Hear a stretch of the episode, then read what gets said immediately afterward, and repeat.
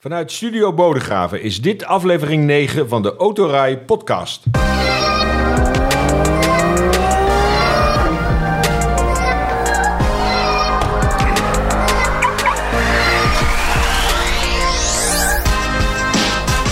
Autorij podcast is de talkshow over auto's. Autonieuws, actualiteit, alles over auto's en mobiliteit direct of indirect verbonden met auto's. Met altijd gasten aan tafel. Twee vaste eh, redactieleden van Autorij.nl. Nauw van Leeuwen is weer aangeschoven en Max Veldhuis. En zoals altijd hebben we een externe gast. En het is een, eh, een eer en genoegen om Peter Staal hier aan tafel te hebben. Eh, directeur van de KNAK. Goedemiddag. Eh, wat betekent de KNAK precies? Dat is de Koninklijke Nederlandse Automobielclub. En wij komen op voor plezier in autorijden. Plezier in autorijden. Nou, Ja. dat hebben we allemaal aan deze tafel, dus daar gaan we het eh, Zeker. uitgebreid eh, over hebben. Ehm, we komen straks bij je terug, eh, Peter, maar jij gaat natuurlijk ook meepraten over de nieuwtjes van de afgelopen 14 dagen. Daar beginnen we altijd mee. En dan eh, komen er altijd verschillende dingen op tafel. Ook wel heel vaak toch elektrische auto's, want daar, eh, ja, daar gaan we weer mee beginnen, Nile. Eh, want jij bent eh, in de tariefverschillen gedoken van het laden voor elektrische auto's. Ja, klopt. Er is een onderzoek geweest door eh Pricewise in dit geval, waaruit blijkt dat er enorme verschillen zijn op het gebied van laadtarieven om je elektrische auto op te laden. Eh het is best opmerkelijk. We kennen allemaal de files eh, zeg maar, bij de tankstations net over de grens. Hè, omdat de brandstof zo duur is in Nederland. En dan gaan we over de grens tanken, want daar is het wat voordeliger. Eh, ja, als het, zo, het lijkt erop dat dat binnen Nederland misschien ook nog wel gebeurt omdat het per, ehm, per stad zo gigantisch uiteenloopt. Om je een voorbeeld te geven. ehm, in de grootste vier steden in Nederland is er echt een groot verschil. Utrecht is bij far de duurste stad om je elektrische auto op te laden. Met een gemiddelde van 79 cent per kilowattuur. Als je dat vergelijkt met Rotterdam, waar je gemiddeld 31 cent per kilowattuur betaalt. Eh, ja, dat is echt een mega verschil. Dat is 2,5 keer. Wie, wie be- bepalen die tarieven dan? Nou, dat, doet de zijn gemeente. Gewoon, nee, dat zijn de, laad, eh, aan, de laadpaal-exploitanten. En die verschillen die hebben natuurlijk te maken met eh, de verschillende aanbieders... die ook te maken hebben met verschillende energiecontracten. Eh, dat, dat, dat is nou eenmaal waar we mee te maken hebben. Maar het verschil tussen eh, in dit geval Utrecht en Rotterdam... dat is wel echt heel groot. 2,5 keer. Ja, ik heb wel horen zeggen dat het loont om vanuit Utrecht naar Rotterdam te rijden. Nou blijft het natuurlijk een elektrische auto, dus je zit een beetje met de actieradius. Ja. Maar dat is wel bizar. Ja, nee, maar kijk, het is, zijn, we- we praten over eh 79 cent per kilowattuur. Hè, dus zeg maar, eh, het werkelijke bedrag eh, is op zich niet zo heel hoog. Alleen 2,5 keer is wel opmerkelijk. Stel dat je nou 1,80 euro betaalt voor een liter benzine in Rotterdam. En dan betaal je vervolgens 4,50 euro per liter in Utrecht. Hè, want het is hetzelfde. Maar, waar, maar waar, Eh, ligt dat, Hetzelfde verschil. waar, waar ligt dat dan aan? Want er wordt toch geen gemeentelijke accijns op eh, stroom eh, geheven? Dus waar- waarom, zijn die, waarom zijn die verschillen zo groot? Nou, dat heeft ook te maken met eh, misschien dat ze extra winst willen pakken. Het heeft ook te maken met het energiecontract wat je hebt. Maar goed, uiteindelijk is het dus wel zo dat het als elektrisch rijder echt wel loont om even goed in je app te kijken eh, naar welke laadpaal je wil en wat het dan daadwerkelijk kost. Want ook binnen de gemeente Amsterdam, daar heb je dus eh, acht verschillende tarieven. Er zijn zoveel verschillende exploitanten van, van, van laadpalen... dat je dus echt te maken hebt met heel veel verschillende tarieven. En wat ook speelt, kijk, op een standaard laadpaal... eh, kijk, zoals bij een tankstation, het staat gewoon de, de prijs die je betaalt. Maar dat heb je niet bij een laadpunt. Je moet echt in een app kijken. Eh, het is vaak gewoon lastig om eh, bij een laadpunt erachter te komen... wat het nou werkelijk kost. En je krijgt ook een factuur achteraf. Dus hè, het is sowieso al wat Maar, maar scheelt, dat scheelt inzichtelijk ook niet dat gewoon bij een elektrische auto veel bereiders, eh, dat dat eh lease-rijders zijn. Tuurlijk. Waarbij je de kosten afwentelt op de baas. En dat je hem dus niet particulier eh, hebt. En ja, een particulier is natuurlijk veel scherper op de prijs. En, en een lease-rijder die zal veel makkelijker denken van nou, Ja, dat Hè? scheelt zeker. Ja. Zeker. Maar kijk, de- brandstofmaatschappijen die beconcurreren elkaar ook overal. Hè. Je kijkt overal, oh, daar is brandstof een dubbeltje duurder en daar een dubbeltje lager. Maar ik vind het wel opmerkelijk dat er zoveel verschillen zijn tussen die steden.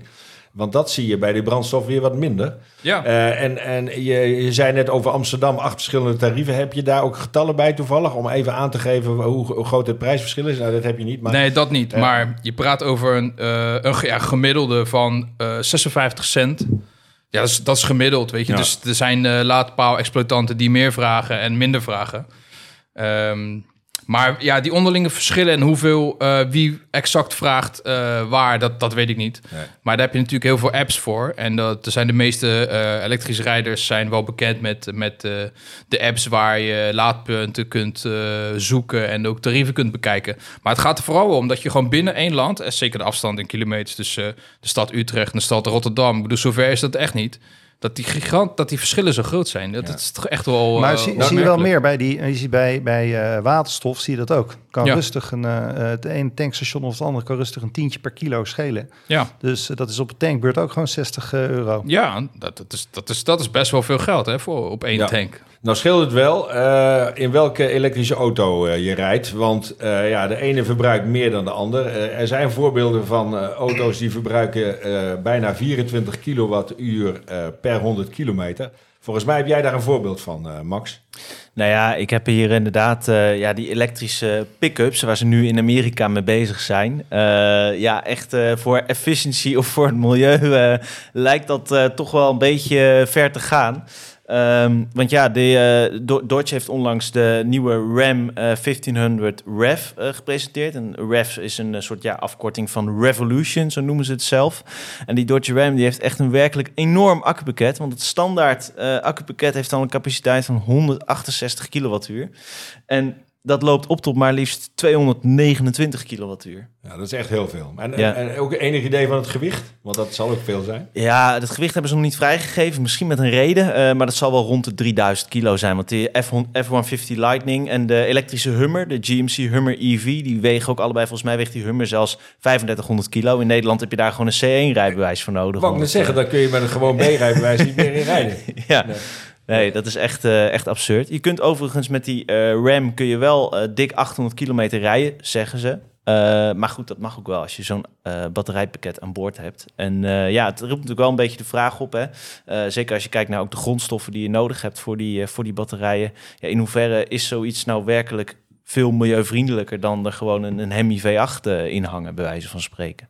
Ja. Nou, daar kun je best over discussiëren, denk ja, ik. Ja. Dat is een hele grote discussie. Want, waar- want waar nog nauwelijks over gediscussieerd wordt bij elektrische auto's, is dat op een gegeven moment als die auto's afgeschreven zijn, dan komt er een batterij vrij. En wat gebeurt er met die batterij?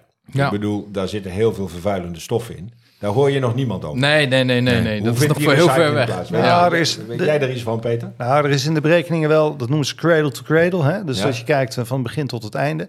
En dan, eh, dat is wel meegenomen in die berekeningen. Er is ook Deens onderzoek waarin wel is gekeken in hoeverre dat kan. Het verschilt per auto. Ja. Maar in principe is dat recyclen van die batterijpakketten is wel in de smies hoor. Dat is wel, eh, eh, het is niet bij het brede publiek bekend, maar het wordt, het wordt wel gecheckt. In Nederland heb je natuurlijk ook het, het Stibad, is dat toch? die, die, daar die recycling een beetje overzien. Klopt. Klopt, maar, maar zeker het hele verhaal met scha schaarse metalen en dat soort zaken, wat er teruggewonnen moet worden, ja, dat, dat, eh, dat is hoog nodig. Want eh, ja, eh, Ja, met, met één zo'n eh, batterij in zo'n pick-up kan je gewoon eh, bij wijze van spreken vier Peugeotjes i208 eh, voorzien van een, eh, van een hele batterij. Gewoon van 50, 50 kilowattuur. Dat is best wel En, bizar als je, als je eh, vergelijkt met wat wij gewoon in een huishouden gebruiken, heb je daar ook cijfers van? Ja, nou, jij had daar een berekening Ja, op ik losgelaten. gekeken Tot naar- de man van de cijfers. Als ik zeg maar, eh, kijk, eh, die auto is net nieuw gepresenteerd. eh, dus echt alle specificaties waren nog niet bekend. Maar op basis van mijn eigen berekening ehm, verbruikt deze elektrische pick-up truck gemiddeld eh, een kleine 30 kilowattuur per 100 kilometer. Eh, gemiddeld huishouden eh, verbruikt nog minder dan 8 kilowattuur per dag. Per dag. Per dag. Ja, ja, ja. Weet je wel, dus dan praat je over, zeg maar, wat wij, wat een gemiddeld huishouden in zo ongeveer drie dagen aan stroom verbruikt. Dat heeft die pick-up nodig voor 100 kilometer. En dan praat je dus over de officiële test. Dus dat betekent dat is zonder lading, dat is gewoon eh, zonder al te veel gewicht. Ja, dat is zo ontzettend veel energie, dat zo'n, zoveel stroom dat zo'n auto nodig heeft om 100 kilometer af te leggen. Ja, dat, dat, dat dan wel een moment komt dat ik dan afvraag van, is dat wel de bedoeling? En ik vind het ook relevant, want kijk maar eens even op straat. hoeveel Amerikaanse pick-ups je hier in Nederland ziet rondrijden. Dat zijn er ontzettend veel. En we zijn een land wat voorop loopt op het gebied van elektrisch rijden.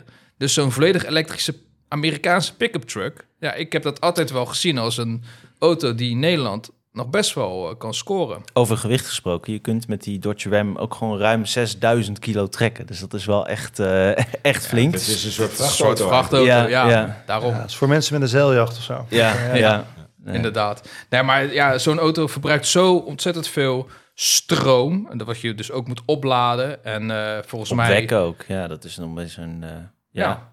bedoel, eh, moet zo'n auto niet gewoon op een waterstof eh, rijden, vraag ik me dan af. In plaats van op een batterij elektrisch. Ja, ik ben natuurlijk een grote voorstander van, eh, van eh, waterstof ook. Hè, Nou, ik dat denk dat, rij je zelf ook, hè? omdat ik zelf, ik rij zelf in een Mirai.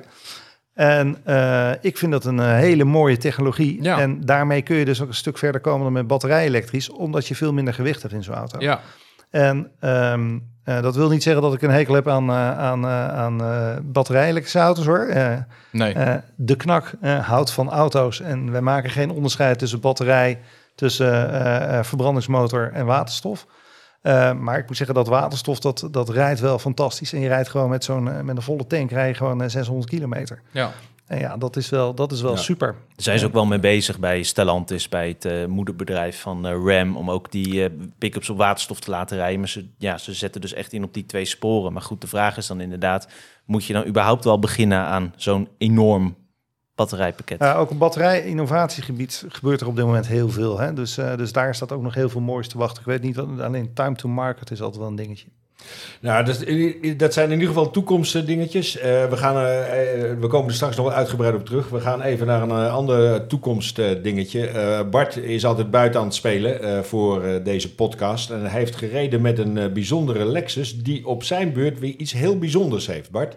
Ja, want de Lexus RZ die heeft nog een verrassing in petto. En dat is het zogeheten One Motion Grip stuurwiel.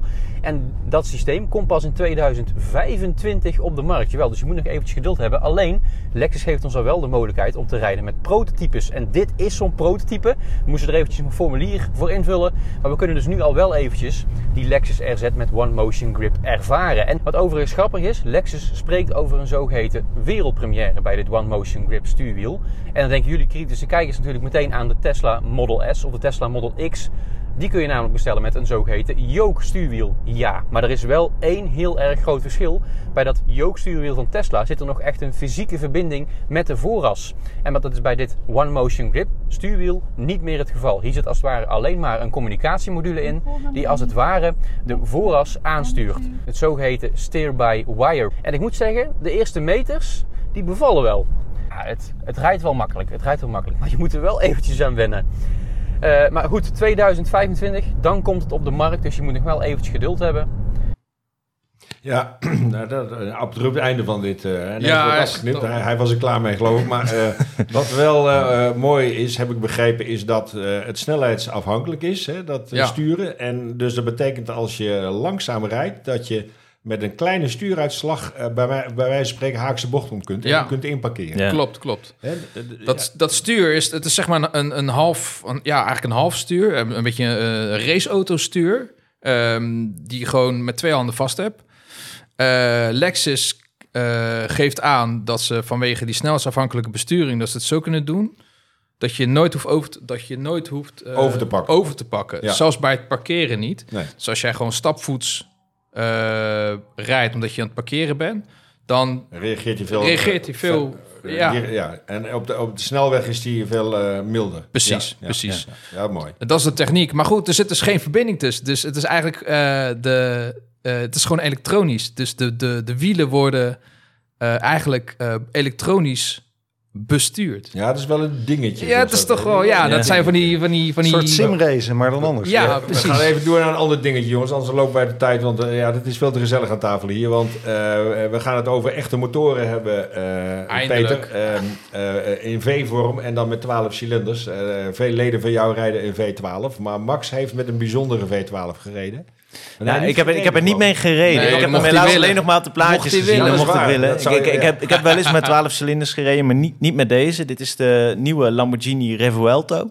En Ja. Revuelto verwijst weer naar een, eh, een stier die ooit heeft geleefd. In, eh, in 1880 was dat.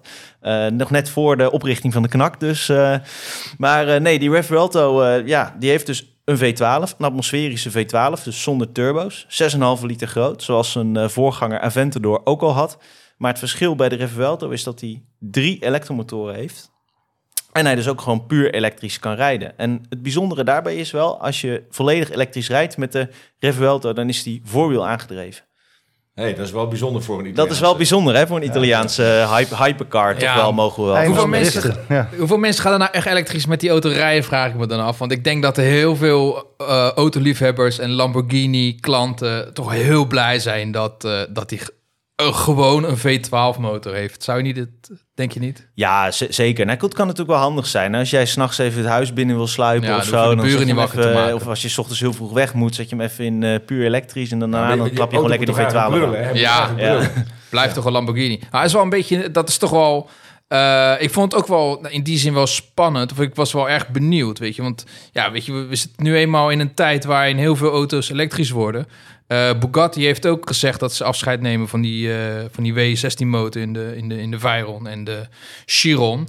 Ja, wat gaat Lamborghini doen dan? Nou goed, ze houden dus die V12 wel in stand. Eh, deze modelreeks, zeg maar, de topmodel van Lamborghini heeft, zeg maar, gaat, gaat ongeveer 10 jaar mee. Ook als je kijkt naar de Aventador, hè, die nu is afgelost. En de Murcielago die daarvoor zat. Dus zo'n auto gaat ongeveer 10 jaar mee. Diablo, Countach. eh, Precies, zeg maar, die, eh, dat ja. rijtje eh, past deze weer.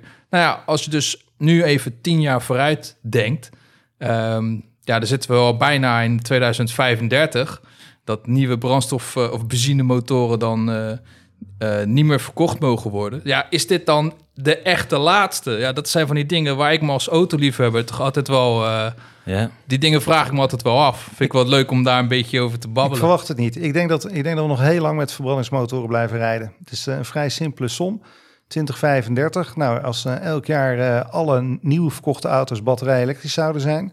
Nou, verkopen in Nederland, nou afgelopen jaar was het iets minder, maar laten we zeggen 400.000 eh, auto's. Nou, een keer pak een beetje 10 jaar. Hè, is 4 miljoen auto's, 4,4 miljoen. Ja, Nou, tegen die tijd hebben we Precies. 10 miljoen auto's. De meerderheid van de auto's die er dan rijden, ja. zijn auto's op een verbrandingsmotor. Zeker dus weten. eh, eh, die, die, Ja. Die- Ja, ik, ben, ik ben het helemaal met je eens. En bovendien worden er, wordt er gewerkt aan e-fuels. Dus eh, er zullen ook andere brandstoffen voor in de plaats Zeker, komen... waar ja. die auto's ook, ook op kunnen rijden. Ja. Dat is nog wel even over de horizon, maar eh, ja, Porsche is daar natuurlijk mee bezig. Hè? Ja. Ja. En eh, Mazda weet ik uit betra- betrouwbare bron. Eh, we gaan eventjes eh, switchen van eh, Italië naar Japan. We hebben een x-aantal Japanse merken op de markt. Daar zou er sinds eh, 2020 eentje verdwijnen met de naam Mitsubishi. Maar eh, die komt weer terug. Ja, Mitsubishi komt terug. Dat is toch een beetje een opmerkelijk verhaal. Mitsubishi kondigde in 2020 aan dat ze uit Europa zouden vertrekken. Nou, dat is toch best wel een dingetje. Heeft ook best behoorlijke impact gehad eh, in het dealernetwerk. Ook de importeur. Ken mensen die eh, heel veel jaren bij de importeur gewerkt hebben. Maar ja, op een gegeven moment horen gekregen van... ja, nou ja, uiteindelijk eind 2022 eh, stoppen we met de verkoopactiviteiten. Nou, die mensen die hebben allemaal een andere baan gezocht... en eh, die hebben hun carrière el- elders voortgezet. Maar toen kwam ineens het bericht van, oh ja, toch niet. We gaan toch verder. Ehm, dus ja dat, is, ja, dat is op zich natuurlijk al opmerkelijk. En nu is eh, eh, het merk Mitsubishi bezig aan een eh, soort van comeback met een reeks nieuwe modellen. Nou, we hebben de nieuwe ASX is onlangs geïntroduceerd. Dat is dan een compacte SUV gebaseerd op een, op een model van alliantiepartner Renault. Mitsubishi vormt namelijk een alliantie samen met Renault en Nissan. Dus die maken natuurlijk gebruik van elkaars techniek. Ja. Eh, maar nu is dus ook bekend dat er een nieuwe Colt in september rond de herfst naar Nederland komt. Dat is B-segment, hè? B-segment. Een beetje ruime B-segment. Eh, gebaseerd op de, eh, in ieder geval gebruik maken het van dezelfde techniek als de Renault Clio. Dus dat je een beetje een idee hebt wat voor type auto het gaat worden. Eh, en de nieuwe Outlander komt naar Nederland. En dat is toch wel eh, ook wel op, opvallend. Dat was destijds een hele populaire vanwege zijn hybride Precies, techniek. daarom. Ja, Eh, by far de meest verkochte plug-in hybride in Nederland. Ja. Ik heb nog even opgezocht. Het is nog steeds de nummer twee meest geregistreerde geëlektrificeerde auto in Nederland. Dus na de Tesla Model 3 is zeg maar de Outlander plug-in hybrid nog steeds die in Nederland het, Ja. het, het meest rondrijdt. Er is wel echt een slag mee geslagen toen, hè? Ja, ja, dat is echt een Net, eh, mega ja. Ik succes. geloof dat alles van Europa werd toen even naar Nederland. Ja. eh, Ja, dat precies. Ja, vanwege dat Ja. belastingvoordeel. Ja. Maar goed, die auto eh, bestaat inmiddels al een tijdje en die is nu ook uit het gamma eh, verdwenen. Ehm, en het is best wel jammer, hè, want je hebt natuurlijk zo ontzettend veel klanten in een Mitsubishi gekregen, maar daar hebben ze nooit dan echt een, een vervanger voor gehad. Dus heel veel mensen zijn dus weer bij het merk vertrokken, terwijl die nieuwe generatie Outlander in Amerika al te koop is. Dus we weten dat die auto bestaat. Ziet er trouwens ook gewoon echt wel goed uit. Het is echt wel een dikke auto, gewoon een mooie SUV die, die, die best wel eh, veelbelovend is. En, die, en die komen ook allemaal weer naar En Nederland. die komen uiteindelijk toch weer naar Nederland. Ja. Dus, Dus het eh, dealernetwerk is nog steeds in stand. Dat loopt allemaal Dat door. wel, Ja. dat, dat wel, dat wel. Maar het is vooral die, ja, het is toch wel een behoorlijke ommezwaai ehm, geweest. En ja, dat is toch wel opvallend. Dan hebben ze een relatief, binnen enkele weken hebben ze dus twee nieuwe auto's aangekondigd. En dan na, eh, daarna, ongeveer in 2025 na verwachting, komen er ook twee volledig elektrische auto's. Ja, Dus- en, die, en die gaan ze dan echt weer, want eigenlijk hè, nu die ASX en die, en die Colt, en mensen doen er wel een beetje lacherig over, maar ah, ja, gewoon eh Renault's met een, met een andere badge erop. Maar ik heb met die ASX gereden eh, op de introductie ervan. En ik heb toen ook wel gevraagd aan de, aan de mensen van Mitsubishi, de productmanagers, van ja, eh, hè, Mitsubishi was ooit leidend. De vorige ASX die is later overgenomen juist door de Franse merken. En nu is het andersom. Eh, ja, hoe ziet de toekomst voor jullie eruit? Hoe zien jullie het nou voor je? En toen zeiden ze ook van ja, nee, die Colt en die ASX, dat zijn echt eigenlijk tussenstapjes, zodat we nu, hè, wat je net al zei, nou, dat die klanten niet, niet weglopen. Bijvoorbeeld mensen die nu een huidige ASX hebben en die willen een nieuwe. En die zijn hè, die gewoon vertrouwd bij hun Mitsubishi dealer en hebben helemaal geen zin om naar de Renault dealer te gaan voor een captuur. Die kennen de verkoper, die kennen de mensen, die willen gewoon een Mitsubishi weer rijden. En die kunnen ze dan nu nog bedienen. En dan inderdaad vanaf 2025, dan krijg je gewoon inderdaad die volledig elektrische Mitsubishi's, ook op techniek van die alliantie, ja, Renault, Mitsubishi, eh, Nissan. Dus dat, dat worden dan wel weer modellen met een meer eigen ontwerp. Ja. Oké. Dat is allemaal eh, voor de toekomst. Eh, mooi verhaal. Eh, we gaan wel even door naar een stukje verleden, want dat doen we eigenlijk in elke podcast. Ehm, een ode aan een bijzondere auto. Dat zijn vaak wat oudere auto's. En naar welk jaar gaan we deze keer terug, Bart? Het is 2009. Lexus presenteert een heuse supercar onder de naam LFA. Een afkorting voor Lexus F-Sports Apex. En toen ik als kleine jongen die auto voor het eerst zag, dacht ik, voor die auto wil ik gaan sparen. Nu lijkt dat een beetje onbegonnen werk, want de prijzen van de Lexus LFA reizen de pan uit. Maar erg is dat niet, want dat betekent dat de LFA iets bijzonders is. Zelfs na al die jaren oogt de LFA modern en staat hij wat techniek betreft zijn mannetje. De Lexus LFA hoort in hetzelfde rijtje thuis als de Ferrari F40. Een atmosferische V10-motor, sensuele lijnen, een machtig geluid. Dit is een klassieker van de toekomst. De ontwikkeling nam een stevige 10 jaar in beslag, want het moest perfect zijn. Uiteindelijk is die perfectie benaderd. De LFA is een icoon. Doe mij maar een gele met Nürburgring pakket. Met een proefrit neem ik overigens ook genoegen. Ja, Bart weet wel eh, meteen de kleur ook en uitvoering. ja, ja, ja. Wat dat betreft eh, heeft hij zijn voorkeur. hè? Zo een van de mooist klinkende auto's eh, die ooit zijn gemaakt, hoor, als het aan mij vraagt. Eh, als die op tour komt, die V10-motor. Dan Ontwikkeld een- door Yamaha trouwens, eh, die motor. Dat vind ik dan wel een bijzondere eigenschap van... eh, Ik zit nog even te kou op die kleur geel. eh. ja. Maar die, die zitten er in jouw vereniging ook va- vast wel, Peter. Eh, we gaan eh, bij jou eh, verder, want eh, directeur van de KNAK, hoe, hoe gaat het met de KNAK? Ja, we gaan, eh, we gaan hartstikke goed. Eh, Ja. de KNAK heeft eh 13, iets meer dan 13.600 eh, leden op dit moment. En groeiend. Eh, we zijn al tien jaar dat we gemiddeld met eh, 300 leden per jaar groeien. Eh, we verliezen er, eh, er 600 per jaar en eh, er komen er 900 bij. Dus het gaat, eh, het gaat wat dat betreft eh, goed. En als je dan de kosten in de hand houdt, dan eh, bloeit de vereniging. Met, meteen even een eh, open vraag eh, die voor mij ook nog steeds niet helemaal duidelijk is. Eh, KNAK en ANWB, hoe is die relatie? Eh, horen jullie bij elkaar of staan jullie naast elkaar? Eh, eh, ja en nee. Dus eh, we horen bij elkaar in de zin dat de knak is zowel een BV als een vereniging. De vereniging is 100% zelfstandig. Maar de BV, daar is ooit opgericht nog onder Paul Nouwen in de jaren 90. Ja. En toen ging het niet goed met de knak. Er zaten schulden in. De schulden zijn in die BV gezet. En die BV is een dochteronderneming van de ANWB. Dus we zijn aan alle zaken zoals bijvoorbeeld verzekeringen en wegenwacht, wat wij eh, breakdown service noemen, dat, eh, dat eh, spelen we over de lijn van de ANWB met eigen voorwaarden en eigen pakketten. En, ehm, eh, maar zodra het gaat over bijvoorbeeld milieuzones of over lobby voor in de MRB voor, eh, voor oldtimers of, of als- het gaat over eh autoluw maken van wijken, ja, dan hebben wij, is de vereniging elite en dan hebben wij gewoon, ja, we hebben een, een homogene achterban van autoliefhebbers. Dus wij gaan daar gewoon een stuk strakker in dan de ANWB. Maar als je lid bent van de KNAK, ben je dan automatisch ook lid van de ANWB? Nee, Dat niet. Nee, het zijn twee gescheiden, twee gescheiden eh, eh, clubs. En eh, het is wel zo dat als jij de breakdown service belt, dan komt de wegenwacht. Maar wij hebben Dat heb ik specifieke... ervaren. We hebben specifieke... fi- nou, het is een, een fantastisch product, wegenwacht. Alleen wij hebben speciaal voor knakleden eigen voorwaarden. Dus dat betekent, als jouw auto kapot gaat... eh, en hij kan niet gerepareerd worden... dan slepen wij jou af Ja. naar de garage van jouw voorkeur. Want je hebt een hele mooie auto... en je wilt niet dat el- elke dealer daaraan gaat werken. Nee, Dus die gaat naar de garage ehm, eh, die jij wil. Daar zitten wat extreme voorbeelden bij. We hadden een bestuurslid met een eh, klassieke Rolls Royce en die was in onderhoud in Londen. Hij kreeg pech in, in Italië.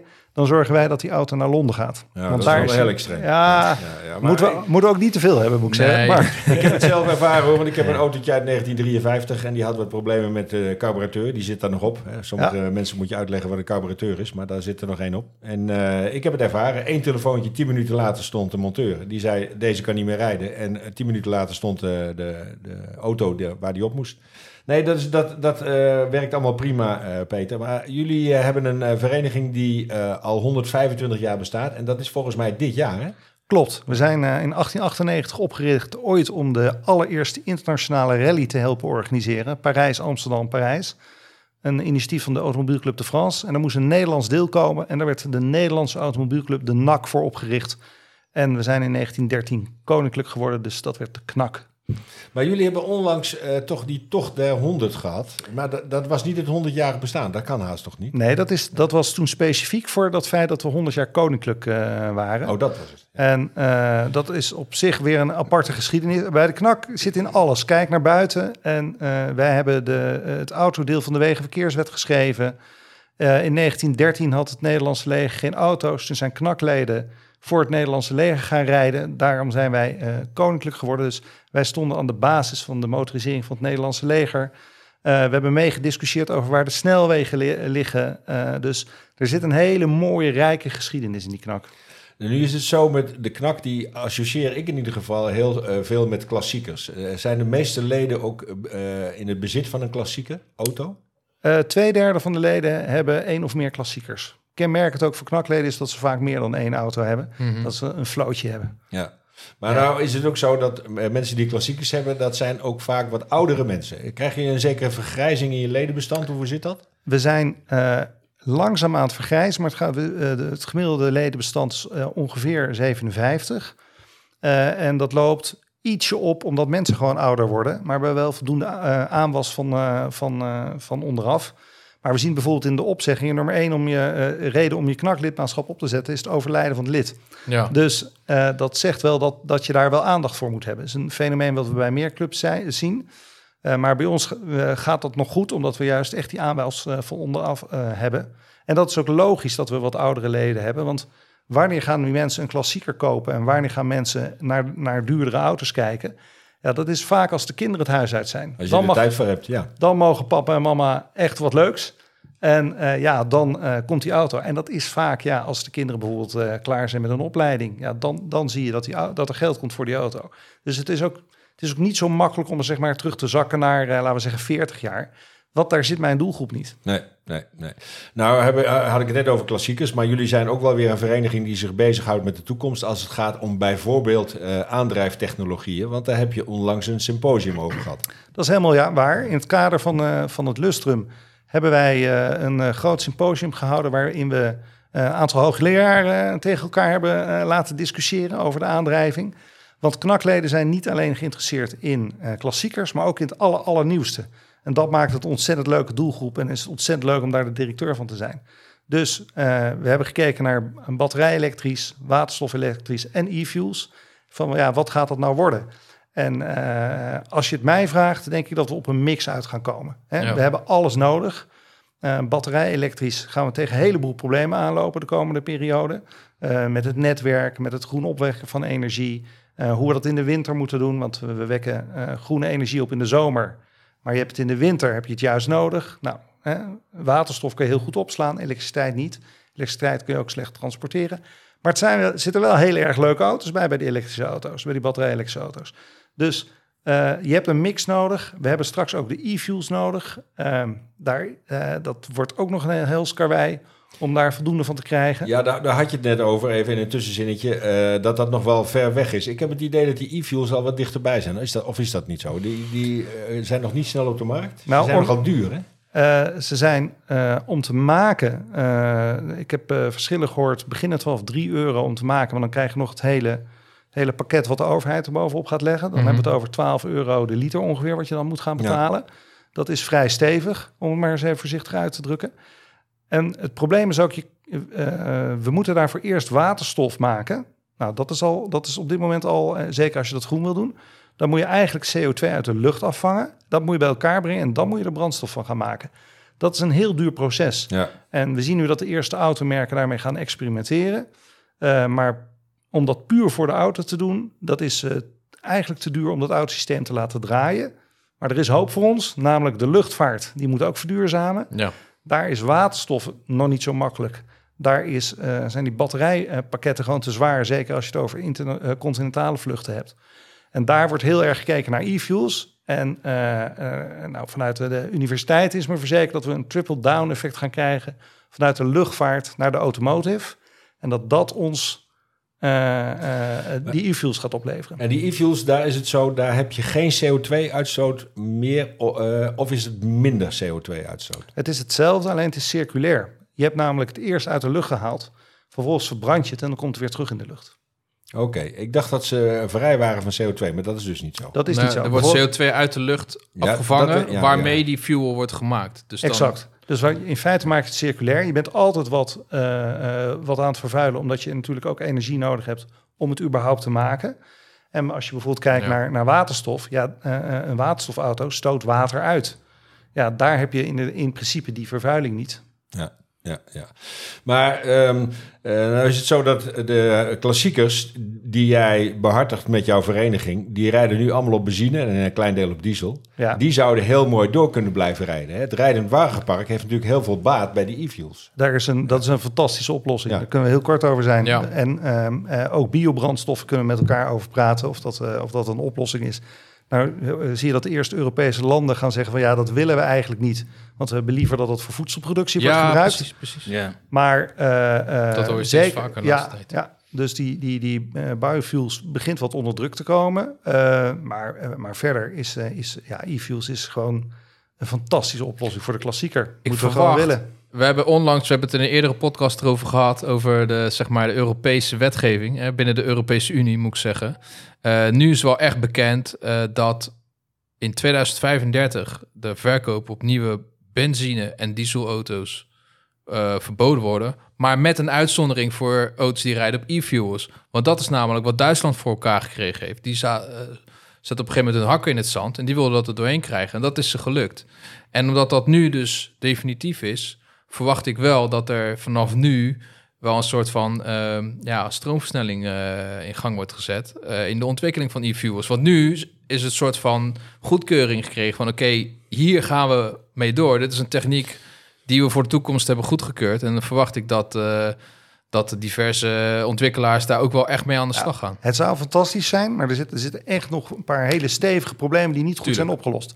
Het maken van waterstof, groene waterstof, eh, is gewoon eh, elektriciteit inefficiënt. Ja, Je verliest bijna 70%. ja, Dus daar zit echt nog een hele grote hiccup. Dat je hebt echt heel veel nodig ja. om dat te maken. En eh, als je dan mensen als Ad van Wijk hoort, hè, de hoogleraar die, die hierin gespecialiseerd is van de TU Delft, die zegt ook, ja, dat waterstof dat moeten we eigenlijk gewoon maken in, in Noord-Afrika en dat soort gebieden. Daar heb je voldoende ehm, Ja. eh, zon, Precies. om de zonnepanelen daarvoor te gebruiken. En dan is dat verlies ook helemaal niet erg. Want Ja. daar zijn ze gewoon vier, vijf keer zo efficiënt, die zonnepanelen. Dus doe het nou daar. Nou, Daar, daar, daar geloof ik zelf ook wel in hoor. Ik vind dat een goed verhaal. Porsche heeft toch een, eh, is een van de merken die eh, behoorlijk eh, investeert in de ontwikkeling van e-fuels. Die hebben hun zeg maar productielocatie in Chili, Ja, klopt. waar heel veel zon schijnt. Ja. En eh, daar gaan heel we veel, het- waar ze heel veel gebruik maken van eh, duurzame energie. Ja, dat is niet voor niets dat ze daar zitten. Nee, maar we gaan, we gaan dat natuurlijk met heel veel belangstelling volgen wat Ja. daar gebeurt. Want ik zie dat wel als, een, als, als zeg maar, de ideale oplossing. Ja, En ehm, eh, ook zeg maar voor het wereldwijde wagenpark. hè. We zijn in Nederland heel erg geneigd om gewoon te kijken naar Nederland. En ja, daar heeft batterij elektrisch een enorme voorsprong. Maar we hebben eh, wereldwijd gaan we niet die hele, die, die hele wereld eh, Nee, eh, voorzien van batterijen. Dat Nee. kan Nee. gewoon niet. Nee. Dus Nee. daar, moet je, daar moet je naar andere oplossingen toe. Maar ehm, even over 125 jaar eh, bestaan. Ehm, dat ga je dit jaar vast nog wel luister bij zetten. Want ik weet dat je eh, hoofdsponsor bent, onder andere van het Concours d'Elegance op Soesdijk. Ja, we hebben nu... Dan eh, ga je een feestje maken. We gaan daar een, eh, een groot feest eh, vieren. Daar gaan we een uh, ouderwetse sterrit gaan we, gaan we doen op 1 september voor knakleden. Sterrit is een, is een rit die op meerdere plekken start in Nederland. En die komen allemaal bij elkaar op één locatie. En die locatie is uiteraard het Concours d'Elegance. Ehm, we zullen daar een eigen parkeerplaats hebben voor de leden. We willen daar met 400 auto's naartoe. En alle knakleden die op het concours zijn, zijn dan op de borrel welkom. We hebben daar live muziek. En eh, ja, er komt een apart badge voor de auto's die meerijden. Eh, dat vinden leuk. knakleden altijd waanzinnig. ja. Dus eh, eh, mooie traditie op dat vlak. En eh, ja, we gaan daar echt, we gaan daar echt uitpakken. kijk eens aan. 1, 2 en 3 eh, september eh, op, eh, in de tuinen van eh, Paleis Soesdijk. Ja. Ja. Mooi. Eh, en andere plannen nog dit jaar om dat eh, te doen met 125? Ja, we, gaan, we zijn eh, founding member van de FIA. De FIA kennen de luisteraars waarschijnlijk van de Formule 1. Maar Ja. dat is breder dan dat. hè. Er zit een hele automotive kant in, maar er zit ook een hele sportkant in. Nou, die sportkant, daar zitten we niet meer in. Daar is tegenwoordig de knaf van. Hè. Dat is in de jaren negentig, met dat faillissement, zijn we gesplitst. Hebben we hele goede relaties mee met, met het bestuur van de knaf. Hele leuke jongens. En eh, we gaan, eh, eh, we gaan die, eh, die, de clubs die dat hebben opgericht, die gaan we ontvangen hier. Dus dat wordt een high-end event. dat wordt ook een besloten event. De Russen zijn daar niet bij vanwege de oorlog in de Oek- Oekraïne. Dus die zijn Mhm. niet uitgenodigd. Maar het zijn dan geen 13, maar 12 clubs waarmee we dat gaan doen. En er komt een, een event aan het einde van het jaar voor de jeugd. Gaan we sliptrainingen willen we met ze gaan doen. We gaan, we gaan simracen. We gaan eh, eh, kijken hoe het stuurtje van Max Verstappen in elkaar zit. Allemaal dat soort zaken. Ja, leuk. Dus, eh, komen Leuk. nog, Ja, eh, ja, tuurlijk. Dus voor ieder wat wils. Ja. Nou, eh, wil ik tot slot nog één ding van je weten. eh, want hier buiten op de stoep staat een, eh, een eh, Toyota Mirai. Daar rij je dagelijks in. Klopt, Maar, maar ja. wat staat er nou in jouw garage aan eh, klassiekers? Niets. Heb je niet. Nee, ik heb een heel mooi contract met eh, een, eh, een eh, leverancier eh, eh, van eh, klassieke huurauto's. Die heeft zijn auto's eh, bij ons eh, verzekerd. Ja, dat is heel slim. En dat betekent dat ik een eh vloot van, eh, van dik 50 auto's tot mijn beschikking heb. Ja. Eh, waarbij ik meerdere weekenden per jaar eh, mee kan rijden als onderdeel van de deal die we met hen hebben. Dus als ik een eh, E-Type wil hebben, pak ik een E-Type. En wil ik, eh, wil ik een, een, een Heel leuke. Italiaan, dan pak ik een leuke Italiaan. En dat werkt heel erg goed voor mij. Ja, Snap dat werkt vaak Dat best. snap ik. Je Dat- moet vrienden ja. hebben die een boot hebben en Ja. een huis in. Spanje. Ja, precies. dat zo is met die oude auto's ook. Ja, nou, dan moeten niet alle leden gaan doen, want dan zijn wij onze handel kwijt. Maar, ja, precies. Ja, maar voor mij werkt het heel goed. Oké. Leuk dat je was, eh, Peter. Dank eh, voor je komst naar onze studio hier eh, en eh, bijdrage aan deze podcast. We zijn er nog niet helemaal, want aan het einde hebben we altijd onze eh, prijsvraag in de vorm van 30 seconds, zoals dat zo goed heet eh, in het Nederlands, om welke auto eh, het gaat. Nou, vorige keer mocht men eh, raden, het ging toen om de Toyota Mirai. En eh Boudewijn Tasman uit Nieuwegein had dat goed. Gefeliciteerd. En eh, Bart Oostvogels is de man die eh, deze keer die 30 seconds invult. Je bent geboren als one-off bij een ander merk en vervolgens in de ijskast geplaatst. Gelukkig zagen andere mensen wel brood in jou. Schitteren kan jij als de beste. Je krijgt er haast neklachten van. Voor mensen met dyscalculie ben jij een ware nachtmerrie. Dat wilde ik toch even kwijt, want een gewaarschuwd mens telt voor twee. Om welke auto eh, gaat het eh, deze keer? Stuur je goede antwoord naar podcast.autorij.nl. Ik dank eh Niall van Leeuwen en Max Veldhuis voor hun bijdrage. En nogmaals Peter Staal van de Knak om hier aanwezig te zijn. Volg autorij.nl op de site, op Facebook, op Instagram en YouTube. En laat een, review achter op je favoriete podcast app. En mail alle vragen en opmerkingen naar hetzelfde mailadres podcast.autorij.nl. Dit was het voor nu. Tot de volgende keer. Rij veilig en geniet van al het moois op de weg.